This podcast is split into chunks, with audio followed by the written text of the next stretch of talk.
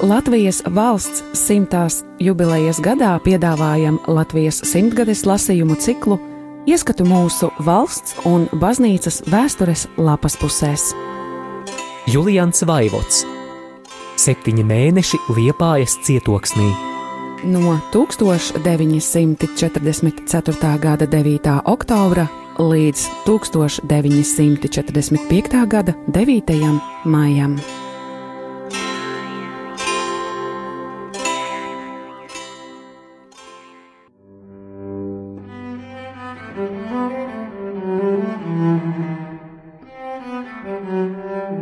Ievads manai dienas grāmatai. Dienas grāmatu rakstīt man iemācīja vēl pilsētas skolā kāda mana skolotāja, Nadežda Vladimirovna, kura, kā vēlāk tik sapratu, bija ideāla audzinātāja, un dienas grāmatā lika ierakstīt ne jau tekošos notikumus, bet savus personīgos dvēseles pārdzīvojumus un pirmām kārtām visus nodarījumus pret saviem pienākumiem un pret morālisko pārliecību. Lai tādā veidā pats un arī skolotāja, ja raksta autors vēlējās to viņai rādīt, varētu kontrolēt rakstura audzināšanas gaitu. Atceros, ka daži zēni to nevēlējās, vai arī dažus savus darbus atzīmēja ar tikai pašiem saprotamiem hieroglifiem. Tie bija drusku pārauguši zēni, kuriem jau bija mazi intīmi pārdzīvojumi, vairākumam skolēnu tajos laikos vēl nebija ko no skolotājas slēpt. Vēl šī vietā gribētu savai bijušajai skolotājai izteikt atzinības vārdus, kā reti spējīgai audzinātājai. Viņa vēlāk pat krita nežēlastībā pie skolas inspektora, kuram tas, ka skolotāja pulcina bērnus savā dzīvoklī, laikam nepatika, un varbūt pat izlikās arī aizdomīgi, jo inspektors bieži pats nāca pie skolēniem mājās un kontrolēdams darbus un uzvešanos, neaizmirs apjautāties, ko mēs darām sapulcējušies pie skolotājas ārpus mācību laika. Lai gan tā bija Krievu skola un laiks, kad Latgalē cara valdība ar skolu palīdzību centās panākt pēc iespējas ātrāku pārkrievošanu, tomēr mūsu skolotāja, un jāatzīstas arī pārējie skolotāji, ne par krieviem, nec par pareizticīgajiem mūs necentās pārtaisīt. Mēs visi centīgi mācījāmies krievu valodu, un ar to pietika. Mūsu inspektora uzskatus šī lietā labi raksturo kāds viņa izteiciens sarunā, kad jau kā semināra audzēknis ar viņu satikos. Pārunājām manu skolas biedru gaitas, un pieminot vienu katoļticīgu latvieti, kurš, lai iegūtu tautskolu skolotāja tiesības, bija pārgājis pareizticībā, jo citādi šis augstais amats nebija iegūstams. Inspektors kā vienīgo pārbeidzējam atzinības vārdu pateica Prahvost. Tāda bija manas pirmās dienas grāmatas skola. Tikai žēl, ka šī dienas grāmata man nav uzglabājusies.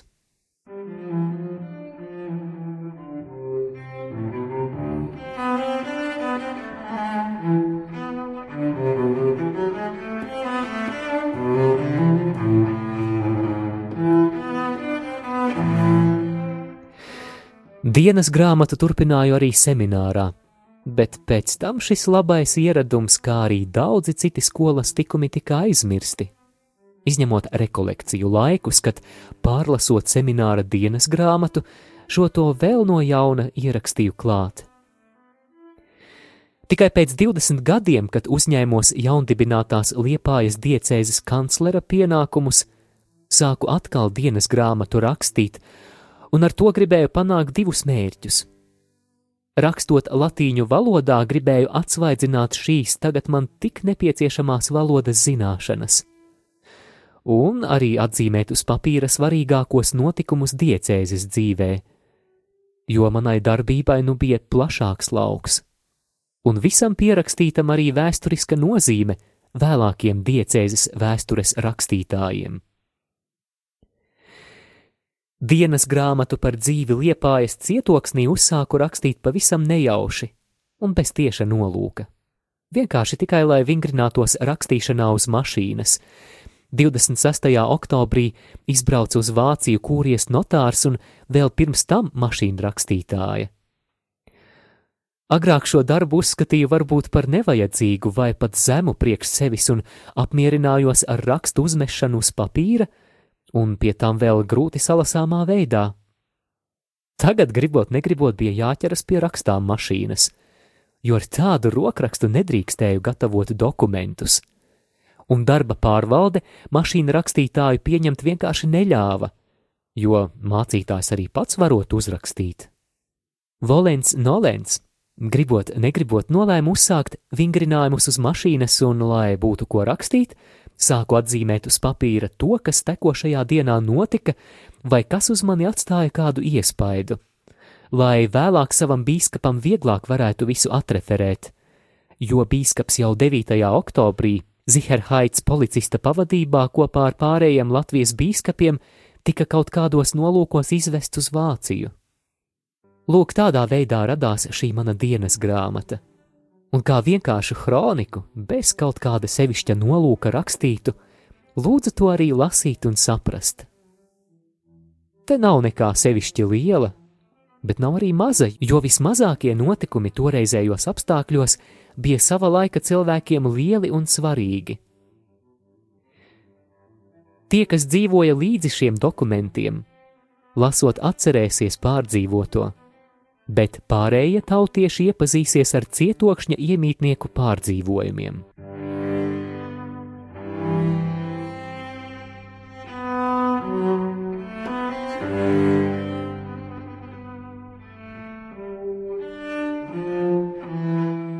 1944. gada 9. oktobrī. Jau tā smagie pienākumi ar šo dienu paliek man vēl grūtāki. Līdz šim manos pienākumos ietilpa Liepājas katoļu draudzene, katedrāle un Liepājas bīskapijas saimnieciskās lietas. Ar šo dienu arī visa garīgā bīskapijas dzīve un tās visa pārvaldīšana uzveļas maniem pleciem. Jo liepājas bīskaps Antonijs Urpšs bija spiests savu bīskapiju atstāt. Bet par to vesels stāsts.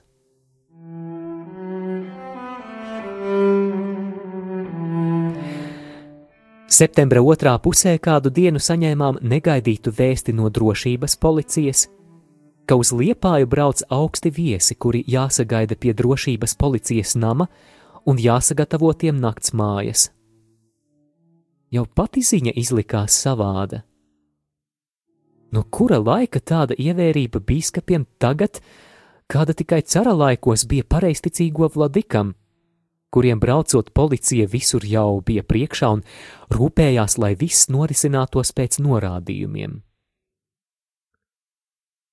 bet ne tādas pārvērtības cilvēku ieskatos jau ir piedzīvotas. Kāpēc lai arī šāda nenotiktu? Noteiktā laikā un norādītā vietā jau laikus aizgāju ar savu palīgu sagaidīšanu. Drīz ieradās pārstāvi arī no citām konfesijām. Jau sen tumšā rudens nakts klāja zemi, un noteiktais laiks bija pāri, tāpēc sarunājām doties mājās, jo nebija vairs cerību viesus sagaidīt. Atceļā tomēr uzdūrāmies lielam autobusam, kura vadītājs prasīja ceļu uz drošības policiju. Nu bija trāpījis tieši uz sagaidītājiem, un sākās pasažieru izvadāšana pa naktsmājām.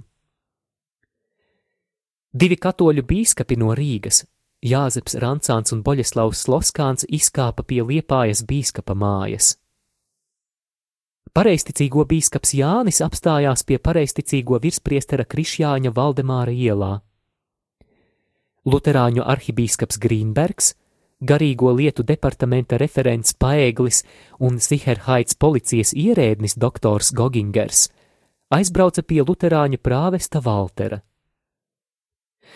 Tikai tagad noskaidrojās, ka visi minētie viesi uz augstākas pavēles pamata no policijas pārstāvja piespiedu kārtā no Rīgas evakuēti uz Liepāju un pavēlē nosaukti par heftlinge - gūstekņiem.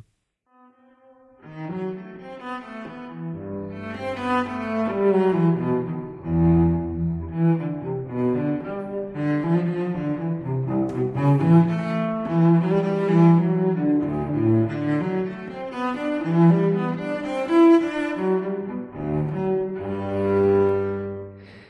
Liepājā atvestie tomēr jutās brīvi līdz 8. oktobrim, kad tika paziņots, ka jāaizbrauc uz Vāciju. Tādu pavēli saņēma arī Liepājas bīskaps, kurai viņš lūkoja pretoties, bet pavēle nebija dota pa jokam, un pievakarē visi aizbrauca uz staciju. Tālāk tomēr nekur netika, jo neskatoties uz vietu rezervēšanu, visi vagoni izrādījušies karēvju aizņemti. Otrā dienā tika paziņots, ka būšot jābrauc ar kuģi. Te nu mūsu bīskapi iecirtās jau ne pa jokam, un pa jūru braukt atteicās. Pēc īsa brīža bīskapa mājā ieradās kāds policists un palika tur līdz brīdim, kad bīskapi, paklausot pavēlē, aizgāja uz kuģi. Saradās arī pārējie līdzbraucēji, un doktors Gogingers visus uzveda uz kuģa un pats reizē aizbrauca līdzi. Pavadīdami bīskapus, varējām brīvi noskatīties mūsu tautiešu bēgšanas ainā. Uz milzīgā kuģa klāja vien stāvēja vesels cilvēku mežs, un bez apstājas vēl citi plūda kā ūdens augšā. Milzīgie krāni cēla mantas, kuru veselas kaudzes stāvēja ostmalā, un citas vēl veda ar automobīļiem un pajūgiem klāt. Mantas netika numurētas, nec kādas kvītis izsniegtas, tāpēc priekš manis palika neuzminama mīkla, kā tās galā varēs izšķirot un kā katrs savas atradīs. Tur bija pakas pat bez kādiem uzrakstiem. Dažas pakas pat kuģī ceļot izjuka. Manu acu priekšā kāds čemodāns no krāna tīkla izkrita, un veļas gabali izkaisījās pa krastmalu. Kāds velosipēds no tīkla iekrita ostā, bet īpašnieks laikam nemaz nebija klāt, un nevienam citam arī nebija laika par meklēšanu domāt. Viss ostas rajons bija pilns ar braucējiem un pavadītājiem, un izskatījās pēc liela gada tirgus, jo citās vietās arī notika tāda paša kuģu lādēšana.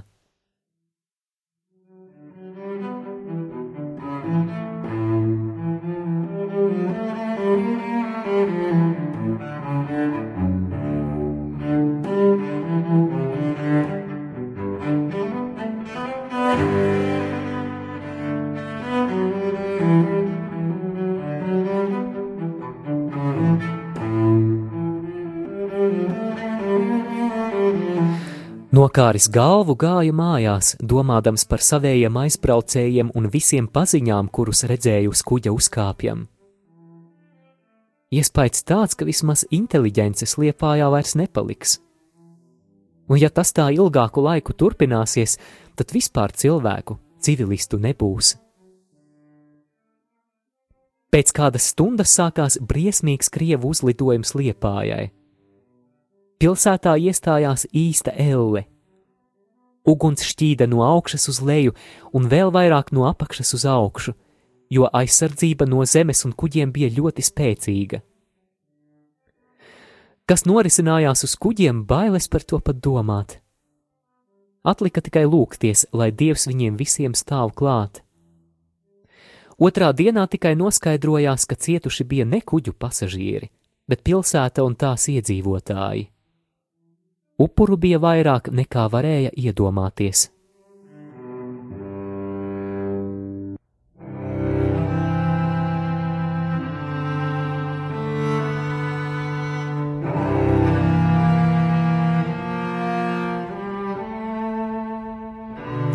Tūkstoš 944. gada 22. oktobrī Visu laiku sakarā ar bēgļu milzīgo pieplūdumu un ofensīvu no gaisa pilsētā īsts hauss. Ielas pilnas ar cilvēkiem, automobīļiem un pajūgiem. Sākot no ostas, vezumu rindas ar bēgļu mantām un cilvēkiem stiepjas pa ielām kilometriem. Tie, kuri tanī dienā netiek uz kuģi, paliek pa nakti uz ielas, un jauni atkal papildina rindas. Mājas līdz pēdējai iespējamībai pārpildītas ar bēgļiem un sētas ar viņu zirgiem un govīm. Aizbraucēji savus lopus izdāvā paziņām, un kam tādu nav, vienkārši atstāja ostmalā vai kur sētā. Notiek arī pirkuma darījumi. Lopus pārdot par mantām un arī par naudu, jo bēgļiem iestāstīts, ka Vācijā naudai liela vērtība. Vērtība tai šķiet liela, jo tur nav spekulatīvu cenu, bet vai tur būs iespējams ko nopirkt vairāk nekā uz kartītēm paredzēts?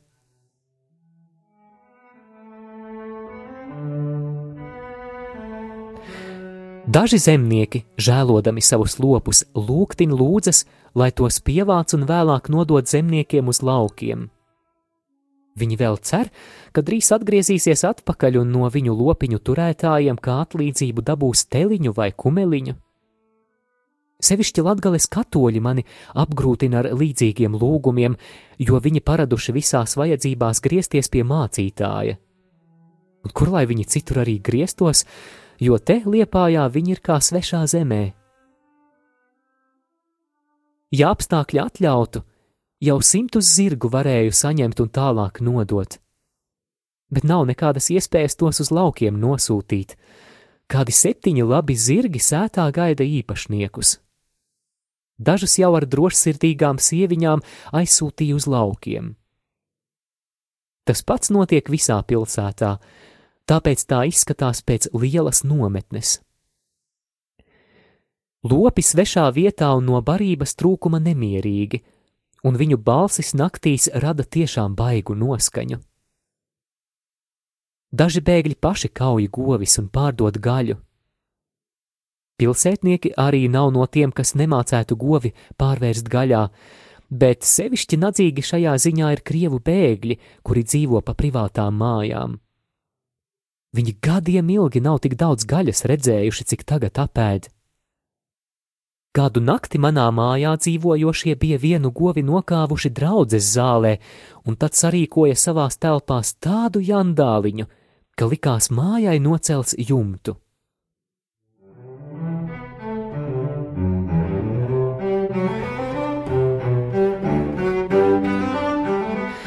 Nezinu, vai ir vēl bijuši tādi laiki, kad tik briesmīgā steigā un tik neliederīgi iznīcināts latviešu zemnieku lepnais inventārs. Vispārējā panikā pat vācu vadība vēl nav attapusies kaut kā liederīgāk šo likvidāciju iekārtot. Gan jau vēlāk nāks tādi un citādi rīkojumi, bet nokavēto atgūt vairs nebūs iespējams.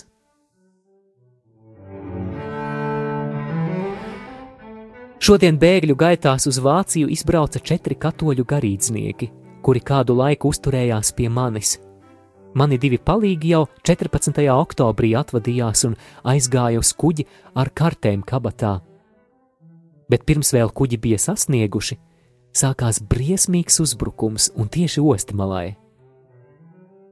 Lielās bailēs tie bija paslēpušies kaut kur namu drupās, un ar to bija pārgājusi visa griba atstāt savu pilsētu. Laikam nesot dieva griba, ka tie atstājot savus pienākumus, teica viens no viņiem. Tiešām liekas, Dievs nevēlas, lai garīdznieki izbrauktu, jo arī šodien, līdz ko minētie četri bīskapi uzkāpa uz kuģa, tūlīt bija uzlidojums, kurš izsauca lielus ugunsgrēkus un prasīja daudz cilvēku upuru.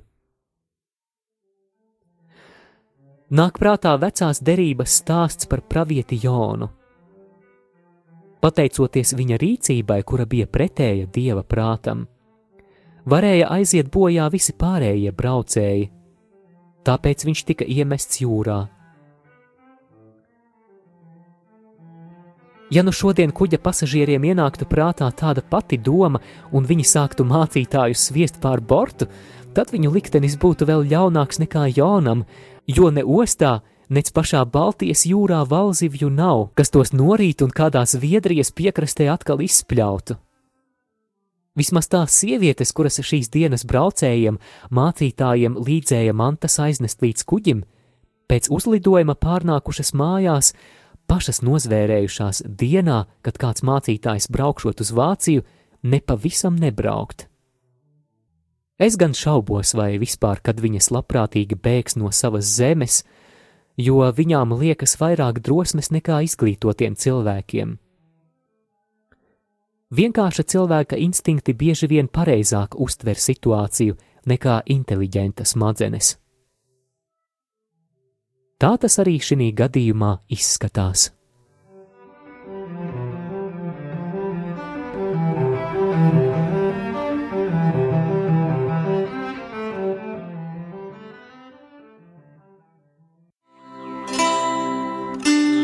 Radio Marija Latvija ēterā Latvijas simtgadēji veltīti lasījumi. Julians Vaivots Septiņi mēneši Liepājas cietoksnī. No 1944. gada 9. oktobra līdz 1945. gada 9. maijam.